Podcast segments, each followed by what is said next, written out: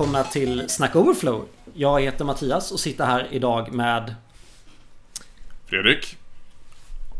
Och Andreas. Och själv heter jag Mattias. Idag ska vi prata om ett ämne som jag tycker är sjukt spännande. Vi ska prata om vad no-code och low-code är. Och jag tänker göra precis som vanligt. Jag tänker hoppa på någon av mina kära kollegor här och, och be dem förklara. Så jag tycker Andreas ser mest pepp ut. Vad är no-code och low-code? Och när du börjar stamma så kommer jag börja avbryta dig och säga vad jag Mm, tycker. absolut, jag ska väl ge mig, eller försöka i alla fall förklara koncepten. Vi börjar väl med, med low code. Ehm, och som jag tolkar det så low code är ett koncept som är framtaget för egentligen tekniska personer fast utan utvecklarbakgrund som kan utveckla då med hjälp av low code program eh, utveckla applikationer utan att sätta sig in i koden direkt. Men det kan ju innebära till exempel skriptare eh, och lite andra saker men att inte sitta och kanske ha full förståelse för tekniken i bakgrunden. No code är ett koncept som jag tolkar det till, som är väldigt eller har blivit väldigt framgångsrikt på senare år i alla fall, speciellt när det kommer till, eh, till att bygga hemsidor. Nu finns det ju väldigt mycket verktyg för liksom drag and drop funktionalitet för att kunna bygga ihop ett helt system. Till exempel Wix eller Wordpress eller vad det kan vara. Eh, Det är konceptet no-code för att kunna bygga ett helt system fast utan teknisk bakgrund. Strålande förklaring. Och varför vill vi prata om det här idag då? Därför det, det börjar väl bli aktuellt igen. Det börjar hända saker. Alltså, vi kanske äntligen har börjat eh, komma över eh, chocken från 2000, tidigt 2000-tals. Vad, kommer ni ihåg mm, webbverktygen, HTML-editorerna, vad de nu hette? Eh, Dreamweaver, Ja. Frontpage. de ja. Man Får tala om webb, webbverktyget Microsoft Word. Just det, Ja. fantastiskt. Ja. Save as HTML. Och folk faktiskt gjorde det. Ehm, det var ju en era då i början där, där vi skapade fruktansvärt hemska saker och sen så blev alla extremt avtända på idén med att generera kod som inte gick att läsa. Men nu kanske vi, nu kanske tiden är mogen för att våra verktyg faktiskt kan generera kod som är vettig. Och, och därför har vi börjat komma tillbaka igen till den här, det här ämnet. Skulle man kunna tänka. Ja, men jag tror det här ligger helt i tiden nu. Man, man börjar ju prata... På något sätt för mig ligger det här väldigt bra hand i hand med DevOps. På något sätt så börjar liksom utvecklarna sluta vara en grupp baboons som sitter på plan minus ett och kodar saker efter någonting de har fått i ett mail. Och helt plötsligt börjar bli en del av verksamhetsutvecklingen. Eh, samtidigt så börjar ju verksamhetsutvecklingsmänniskor därför vara en helt, liksom börja, börja vara en del av teamet. Och då får man influenser av varandra och börja tycka att det den andra gör är mer spännande. Så det här blir på något sätt där vi möts i mitten. Och då är inte det roliga att knacka tecken. Utan det roliga är vilket problem vi vill lösa. Och då börjar vi tycka då vill vi börja Då börjar utvecklarna utveckla verktyg för att slippa utveckla. Om ni är med mig. Om ni håller Ja, med. jo, exakt. Jag, jag känner ju mycket i, i frontend-utvecklingen så finns det ju ett, ett stort gränssnitt här. Det finns ett jättestort behov med alltså, designers, UXare och sådana som, som idag kanske gör skisser men där skisserna inte är riktigt del av den tekniska utvecklingen, vilket leder till väldigt mycket dubbelarbete. Du har ju först en designer som ska rita hemsidan och sen så ska du ha en utvecklare som ska replikera det en gång till. Och, och det, det finns ju en enorm potential i att du har någon som faktiskt är designer eller som, som har som sitt dagliga arbetsverktyg ett verktyg som faktiskt jackar in rakt in i själva utvecklingspipelinen. Där, där finns det ju en enorm, eh, enorm vinning. Mm. Och det, det börjar ju dyka upp lite sådana saker. Men jag tror också det är lite som ja, det som du är inne på Mattias där som du sa förut att nu börjar ju verksamheten komma ikapp IT eller rätt sagt att verksamhet och IT börjar jobba mer tillsammans. Så verksamheten och IT har på något sätt kommit till en mognadsgrad att nu kan vi snacka samma språk och inte att verksamhet snackar verksamhetsspråk och IT snackar IT. Eh, men jag tror också med de här alla plattformar som kommer att eftersom utvecklarna egentligen ska fokusera på de kanske större, de större strukturella problemen i en organisation eh, så kanske de inte heller behövs sitta på, om vi bara ska ta att slänga upp, jag vet inte, någon enkel hemsida eller något enkelt API som verksamheten behöver. Eh, och därav att de här plattformen, eller plattformarna kommer i större utsträckning. Mm. Och inte, kanske inte bara, alltså jag tänker mig en framtid där det inte bara är att de gör hemsidor utan även börjar göra liksom när det börjar bli appar oavsett om det är native eller webbappar. Att man kan börja drag and droppa lite sånt och utveckla när den man liksom Antingen utvecklar med hela tiden Och man gör det tillsammans parallellt A.k.a. mobbprogrammering Fick jag in det igen. Kul, ja. kul. Eh, eller att liksom det är något man knyter lite ihop säcken med på slutet. Man utvecklar verktygen. Jag tänker en sån sak som, som design, alltså komponentbibliotek. Tänk, jag skiter ju egentligen i vilken ordning knapparna kommer. Tänk om jag hade kunnat skapa ett designbibliotek så min kravare hade kunnat drag and droppa UI't. Det hade varit amazing. Det hade varit fantastiskt. Um... Jag tänker två infallsvinklar på det här som ni båda två... Ni, ni, ni säger samma, typ samma sak. Men, men Fredrik säger designers och, och Andreas säger verksamheten. Och jag tycker det här är intressant för, för bo, alltså... Ni, ni är inne på samma sak att en, en titel som inte är programmerare kommer helt plötsligt in i utvecklingsteamet. Och ni tar ju bara vassen roll. Alltså jag tycker det här egentligen är, är det här en del av, av det, det, nya agila sättet att arbeta. Jag kommer ihåg, det var någon föreläsning jag var på för, för några år sedan där en av sakerna som de presenterade var att, att man skulle ha som en så här, Eh, skill points eh, för alla i teamet. Att man, ja, du tänkte dig att ja, men den som är seniorutvecklare har liksom fem av fem stjärnor i systemutveckling. Men bara för att du är utvecklare så betyder inte det att du har noll kunskap i projektledning. Du kanske har en eller två motsvarande prickar i projektledning. Och bara för att du är projektledare så betyder inte det att du har noll utveckling. Du kanske har ett i utveckling, vilket betyder att, ja men okej, givet att vi jobbar i ett verktyg på, på en viss del av sakerna så kanske jag ändå förstår vad det är vi gör. Jag kanske kan vara med i en mobbprogrammering och diskutera och faktiskt jobba. Och det är det, det tror jag att det är det här vi vill. Vi vill att, att utvecklare, designer, UX och verksamhet ska faktiskt kunna sitta i ett team och faktiskt jobba tillsammans. Och, och slippa att minska ner det här gira-interfacet mellan när man liksom gör ett arbete och sen så skriver man en text och sen ska någon annan läsa den texten och utföra ett arbete. Istället för att man sitter i en grupp och faktiskt arbetar tillsammans och för över tankarna direkt till varandra, eller liksom diskuterar i grupp och, och bygger sakerna i realtid. Eh, och där, där finns det ju ett, ett, då ett utrymme för, för mobbprogrammering som inte bara är ett gäng utvecklare som sitter tillsammans. Så där, där tror jag de här verktygen kan ha, ha väldigt stor eh, nytta. Men Fredrik, är det inte så att du har lite... Vi sitter ju lite här och gissar för vi har ju inte själva jobbat i low-code eller no-code verktyg. Men visst har du lite erfarenhet av det Fredrik? Ja, eh, ja jo, jag hade ju en, en, en, en period när jag arkitektade på, på en stor fabrikskund och eh, Power BI var jättestort där, stor Microsoft-kund.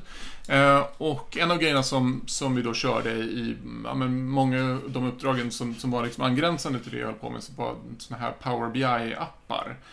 Ehm, som sagt, Microsoft var, var en jätte, de var jättestor Microsoft-partner, så, så det var någonting som de pushade hårt för. Men jag tyckte ändå det konceptet verkade väldigt vettigt. För det, det, det gjorde, och den gruppen som, som man ville nå då, var de som var mer, Eh, ska man säga, mm, inte business analyst, men alltså de som jobbade med dataanalyser. Alltså de som normalt sett jobbar med, med BI. De kunde helt plötsligt bygga appar som, som gick att få ut i mobiltelefoner eller andra saker. Typiska bygga dashboards, interaktiva dashboards, rapportgenerering där man kunde klicka sig in. Alltså i princip bygga appar, drag and droppa ihop ett antal skärmar i en app och sen så koppla innehållet i, mot en databas bakom i, i mer grafiska verktyg på webben med, med Power BI-verktyg.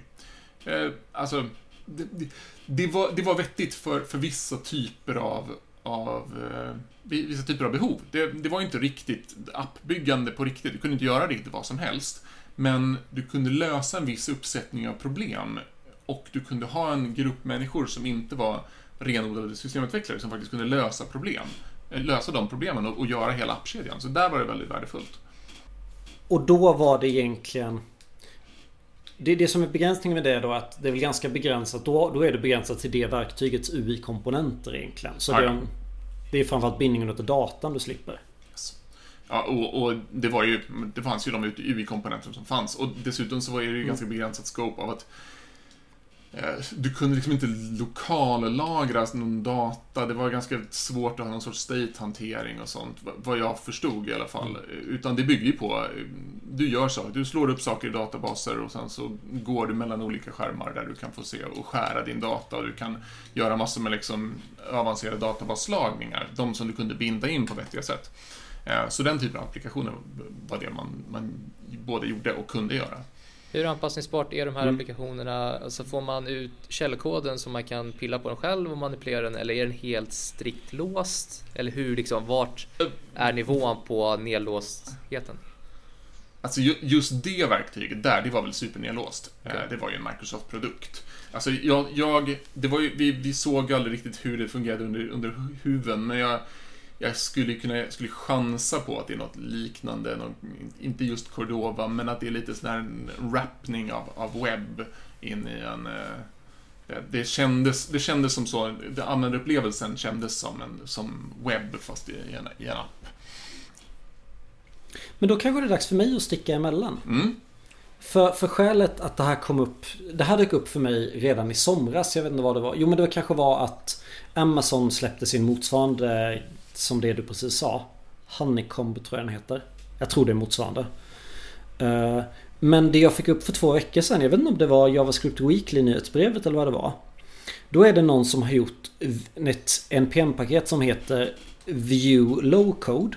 Och jag har inte riktigt förstått hur det hänger ihop för någonstans så står det att man ska använda verktyget Quant UX. Men någonstans står det också att man kan använda Figma. Är ni, är ni bekanta med Figma? Lite ja. Mm. Och om jag har förstått det rätt så kan du liksom skapa ditt Figma UI och sen det du får ut av det. Du, du frågade Andreas vad outputen var.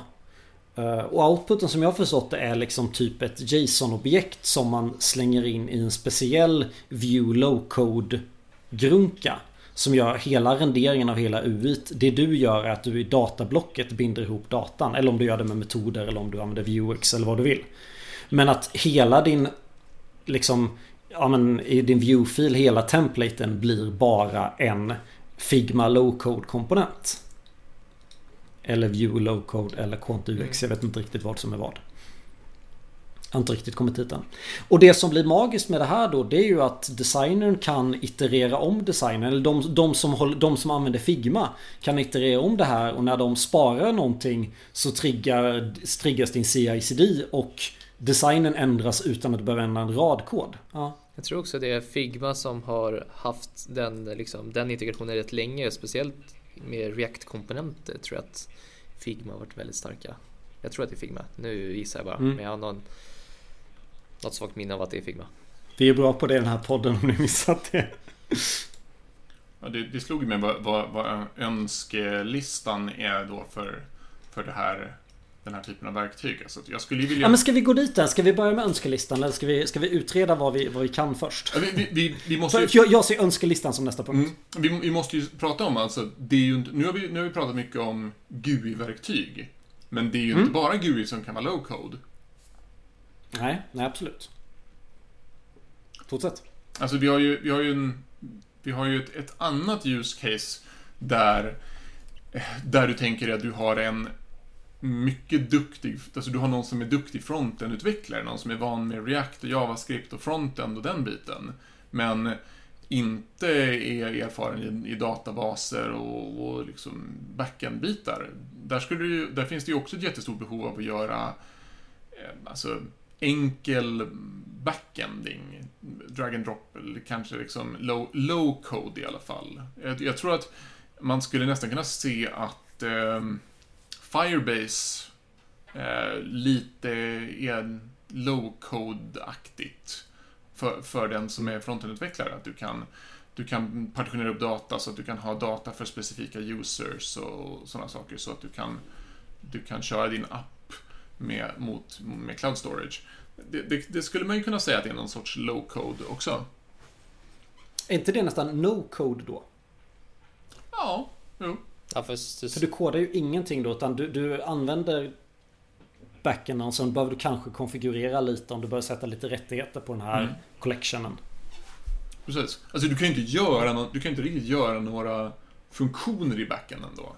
Eller inte särskilt, det måste ju vara väldigt begränsat. Det måste ju vara det som du gör, gör du i fronten. Men där är inte jag superinsatt. Nej. Men, men, men jag vill bara kommentera, att det behovet finns ju också, det är ju den sidan också, av att frontend-biten är, är stark, men, men att du har eh, behov av, av low-code på backend. Mm. Mm. Det känns som att det inte är riktigt lika lätt. För att det jag ser, det jag vill lösa med low code eh, i frontend är eh, liksom från skärmen tills det blir logik. Är ni med på vad jag menar? Ja. Medans, och, och det känns som ett generiskt problem generellt för alla. Däremot så känns det som att det aldrig finns ett generellt problem för det, det känns inte som att det finns ett generellt problem för backend. Och därför så blir ju det här att då måste ju respektive bolag eller team eller organisation skapa sin egen tooling runt omkring det också. Och där bör det kännas lite motigare. Eller tänker jag fel då? Jag vet inte. Om man inte kan säga som, som du säger att man kör ett cloud-verktyg då. Mm. Men det är fortfarande lite, man har väl sin behörighetsstyrning men det kanske är de, ja de är duktiga nog att stö- stödja roller och sådär. Mm. Ja, jag kanske är ute och cyklar. Nej, men, men jag, jag, kan, jag kan nog hålla med dig om att, att fronten den är den mest eh, den mest troliga kandidaten för där verktyg kommer verkligen göra nytta. För det, det är där vi Mm. har, har skärningspunkten mellan de här olika grupperna, mellan liksom, business, utveckling och, och UX. Man kan ju titta på, alltså om man, om man ska titta på databehandling, dataskiffling, Mm. Alltså ren dataskiffling. Då, då kan man titta tillbaka på alltså Microsofts, vad heter de här nu då? SQL Server, ehm, Integration Services till exempel har funnits tidigare. Det är sådana här verktyg för läs saker från olika källor, behandla den, ehm, ström, alltså ETL-processer. Det, det kan man ju se som, som, det har också ganska mycket low-code-beteenden Mm. av att du, du har ett GUI-verktyg där du väljer, men här är mina data, min datakälla, så får du exempeldata, så klickar du i vad du ska mappa till vad och sen så, så du skapar ett träd med, med flöden med, med vad, som, vad som ska hända. Så det har man ju hållit på med i många år. Mm. Det, det är väl en, en typ av, av low-code. Eh, Mm. Så, så sådana här verktyg har vi använt ganska länge, men det, det som händer nu är väl att det börjar krypa in på sånt som inte bara är dataverktyg, Mm. utan det börjar krypa in på själva kodandet. Att det kan börja ersätta saker med, med, med kod. Mm. Så, Är det ett bra tillfälle att sticka emellan med en sak? ja, självklart. Shoot. Eh, nu har jag förstått hur det hänger ihop. Det företaget som utvecklar Quant UX som en konkurrent till Figma har skapat någonting som heter View Low Code som genererar View ur Quant UX. Men de har också gjort ett Figma plugin som gör samma sak fast för Figma. Okej. Så det finns både Figma Low Code och View Low Code. Men View Low Code hänger ihop med Quant UX. Och de skulle jag på något sätt, någon av den kombon skulle jag vilja prova. Det, det tror jag, ja nu hoppar jag till conclusions. Men så var det. Mm. Mm. Ska vi gå vidare på, på eh, eh, Önskelistan, va? önskelistan, vad vi skulle vilja ha? Mm. Ska vi börja med backend eller frontend? Jag tycker vi börjar med För fronten. det känns inte som att det är exakt samma. Mm, jag tycker vi börjar med fronten. Den, den, den är... Eh, Får jag tycka? Är är det verkligen två verktyg eller borde man inte alltså... Ja, så, såklart kan det finnas scenarier man vill ha två verktyg. Men i den ultimata fluffiga världen så skulle man ju vilja göra det i samma verktyg. Hur tänker du då Mattias? Jag, jag inte... Ja, vi, vi, kör, vi kör backend. Vi kör fronten först och sen backend. Yes, alltså det... Min, min, min första önskelista på, på vad jag skulle vilja ha nu är ju... Alltså, någon, alltså, jag skulle vilja ha ett verktyg som var knutet till, eller åtminstone med särskilt stöd för ett, eh, alltså ett komponentramverk. Där man säger att men här har vi en fullständig uppsättning komponenter och du ska bara använda dem. Och, och allt du kan göra, förvänt, allt du vill göra förväntas du kunna göra med dem. Eh, så att du kan bygga din React eller Vue eh, med, med de komponenterna. Och, och, det som behövs stödet då är ju förstås att om du stoppar in komponenter som kräver att det står någonting i dem för att det ska, för att det ska synas någonting, så måste du kunna sätta upp någon sorts flöden på sidan med, med att mocka. Men nu fyller jag på med lite data, nu gör jag andra saker. Så får man fylla i lite, lite sånt och säga, men jag klickar, så kan jag ha en toggle där jag, jag öppnar och stänger mina saker. Mm. Eller, alltså, man kan drag and droppa in och koppla sånt. Men att man verkligen kan sitta och jobba med sitt verktyg att slippa kod. Utan bara, men jag drar in och så, så klickar jag lite. Jag ändrar på GUIT så som jag, jag trycker på det. Men att det ändå följer den. Alltså man, jag vill ju slippa det här gamla att, att det fanns, att man håller på och petar på marginaler och pixlar och, och sånt. Så, som ofta gör det, gör det nästan omöjligt att få eh, responsiv, responsiv design. Utan man ska hålla sig till ett ramverk. Bootstrap eller material design eller vilket material UI eller vilket... Eller gör det själv. Ja, absolut. Mm. Um, men, men jag, jag, tror att det här typen av verktyg borde vara någonting som, som blir standard i, i koppling till ett, ett, ramverk. Alltså på samma sätt som vi idag har Storybook eller någon, alltså någon sorts komponentdokumentation på webben med, men här är mitt bibliotek och här är alla saker och här ser koden ut, så borde, det, borde vi förhoppningsvis, min önskan är att vi skulle röra oss mot en standard där om du publicerar komponentbibliotek så borde du också publicera ett verktyg eller några plugins till verktyg för att, att editera just ditt ramverk så att du, så du bara kan ta din, dina, din färdiga kodade React-grejer eller Vue-grejer och bara editera dem. Mm. Och få riktig kod. Mina tankar flyger åt alla håll när du säger det här.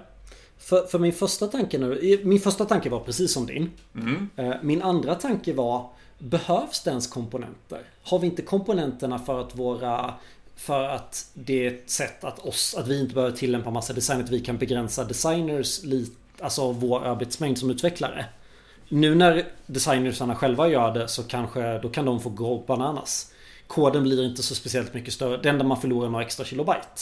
Absolut. Men sen så slår jag tillbaka till att man tappar consistency då. Fördelen med komponenter är att designers som ofta har, har en mer eh, konstnärlig själ medan vi har en mer... Eh, oh, men, men det ena utesluter inte det andra. En mer ingenjörig själ. Alltså, ja, du, du, du säger någonting som är väldigt viktigt här.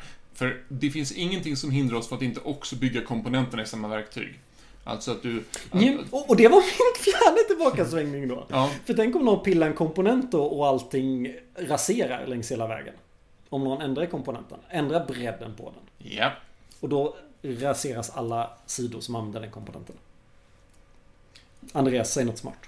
Nej, men jag som har byggt eh, komponentbibliotek de sista två åren eh, har ju verkligen suttit och eh, tänkt på de här sakerna. Eh, och vi har själv suttit och utvärderat några verktyg för just det här low code. Nu använder våra designers Sketch. Men det är precis som Fredrik mm. säger att att så fort designerna ändrar sig med marginaler och bredder och fonter som de gör ungefär tre gånger per timme så så blir det så mycket för oss utvecklare att ändra fram och tillbaka hit och dit. Eh, och det blir så mycket frustration för utvecklarna och egentligen för ingenting om vi uttrycker det så. Eh, så det hade ju varit otroligt trevligt om, som du säger, om man kunde ha komplettbiblioteket i Sketch eller Figma eller vad det är som genererar ut sina komponenter för det ramverket man behöver. Men det du är inne på lite Mattias, okej okay, men då pajar man hela designramverket om man ändrar bredden men det, det regelverket ska ju finnas redan i designramverket så att du inte kan paja det. Eh, det är så vi mm. har gjort i vårt designsystem på vårt uppdrag. Att men man säger att det är en containerkomponent, säger att det är tabellen mm. och helt plötsligt säger den tabellkomponenten att alla celler ska ha en superpadding i cellerna. Mm. Precis. Då kommer allting gå sönder. Ja exakt, men då borde det redan ta stopp i, i regelverket i designsystemet. Mm, ja. Köper det. Så innan det blir kodens, då säger det stopp. Jag skiljer lite i det här läget på vad jag lite slarvigt säger UI-are och UX-are. Eh, folk kommer tycka att jag har fel nu, men jag tänker göra den distinktionen i vilket fall. Eh, för mig är de här verktygen mycket viktigare i mitt samarbete med de jag kallar UX-are. Eller interaktionsdesigners kanske man ska säga. Uh, än vad det är mitt samarbete med UI-arna. Jag tänker att med UI-arna så sätter man, sätter man komponentbiblioteket. Med UX-arna använder man komponentbiblioteket. Mm. Och jag ser den stora vinningen i det här framförallt när man Fast, eller det kanske är jag som tänker fel. Jag tänkte framförallt med UX-arna när man drag and droppar sina färdiga komponenter. Ja. Jag tycker det verkar rimligt. Men det kanske är lika mycket med, med UI-arna att de kan, kan till och med göra komponenterna i Figma och bara trycka på export och sen så slå, funkar det liksom. Men då måste jag bara ställa en följdfråga där. Har, har, har, ni haft lyxen att haft olika personer för UI-folk och UX-folk? För i de uppdrag jag har, då är det alltid samma personer och det, det ställer ofta till det. Eh, för att man får en... Båda mina två senaste har det faktiskt varit olika. Men, men det... inte, inte, det jag fått, inte det jag är på nu för där har vi knappt någonting ja. alls. Uh... Men, men jag, jag tänk, alltså en, en tanke i just den här uppdelningen är ju att, alltså att när man, när man håller på och jobbar med såna här low-code, no-code verktyg så, alltså att bara säga ja, ja, men vi bygger våra, vi bygger våra mm, komponenter i samma low-code, no-code verktyg också. Alltså, det, det som slår mig i, i de här tankarna är att det är oftast så att när du får någonting lättare så har någon annan på andra sidan om den här barriären tagit över ett ansvar för någonting som är mycket, mycket, mycket svårare. För att få det bra. Alltså den som bygger de här verktygen har ju då tagit på sig ansvaret att skapa snygg kod. Det är inte längre, du behöver inte längre bry dig om det, så någon har tagit över det ansvaret.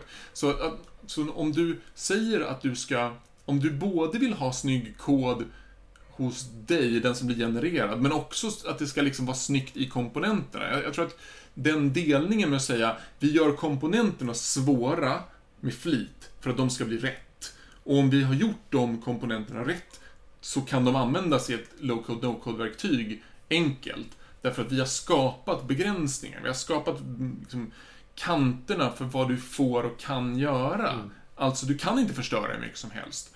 Eh, och då, då tar man ju på, den som bygger komponentbiblioteket tar ju på sig ansvaret att, att säga vi ändrar inte på, på storlekar och bredder hur som helst utan att vara väldigt vältestade på, på att det inte förstör allting. Mm. Medan på low-code, no-code-sidan så förlitar du dig på att, att det, det som du konsumerar är vältestat och, och, och starkt för att du ska kunna latcha loss lite och det ändå nästan alltid blir bra. Mm. Vi vet ju hur det är att, att, att, ändra på bredden eller höjden på en bild i Word. Ja. Mm. Jo. Så, så det är det man, vill, måste, man måste undvika. Mm.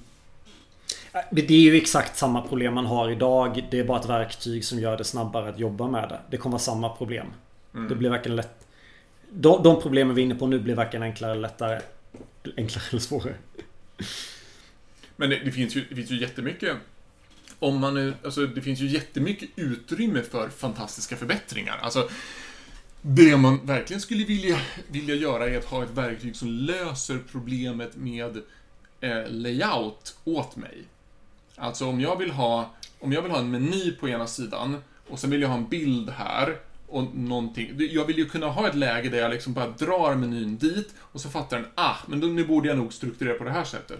Och sen som jag minskar ner fönstret så, så vill jag kunna säga, men den här borde ligga, alltså, du borde ju kunna få, det, verktyget ska ge dig stöd för att göra, alltså dit vill vi komma. Alltså så att det ska bli, det ska bli lättare att göra som, som du tänker dig. Annars är det ju egentligen bara kodande en gång till. Mm. Jag, precis, jag går från, då, kommer man ju till no-code istället för low-code. Sen, ja. sen gäller det ju att nå dit utan att det blir eh, eh, liksom, hemskt. Men tänker ni då att ni skulle vilja ha det, som du säger Fredrik, att du säger att du bygger din app och så ska du din meny och din, eh, dina bilder och liksom designen så. Skulle du vilja ha det att det är drag and drop UI och sen och det skulle vem som helst kunna göra om det är designers eller vem det är. Och sen mm. för att koppla funktionaliteten då kopplas en utvecklare in eller hur ser du liksom steget efter? Jag ser det som två olika scenarion. Det beror på vad, vad det är du ska göra. Alltså, um, du skulle ju kunna ha motsvarande komponentbibliotek fast med kod också. Mm. Alltså att du har, ja men om du, när jag klickar på en knapp så ska det hända någonting. Och, och jag, jag, tror inte att vi ska göra det för komplicerat för oss själva egentligen. Alltså typiskt är att, att om vi skulle bygga ett komponent, om vi skulle bygga en sån här editor för React till exempel. Då skulle man ju vilja att den hade plugins eller åtminstone styrde, säg att vi använder Material UI. Då vill vi, vi vill veta, men okej, det här är exakt de komponenter du kan jobba med. Och och sen så om du vill ha en Redux store i din frontend eller någonting sånt, då ska det bara vara en, en enable. Ja, jag vill ha en sån. Och då finns det ett, ett liksom en... Den, ska, den koden ska generera ska ju vara liksom vettig och snygg och så kompakt som möjligt och använda något, några vettiga ramverk. Så att du, liksom, du startar ditt projekt, du får din kod.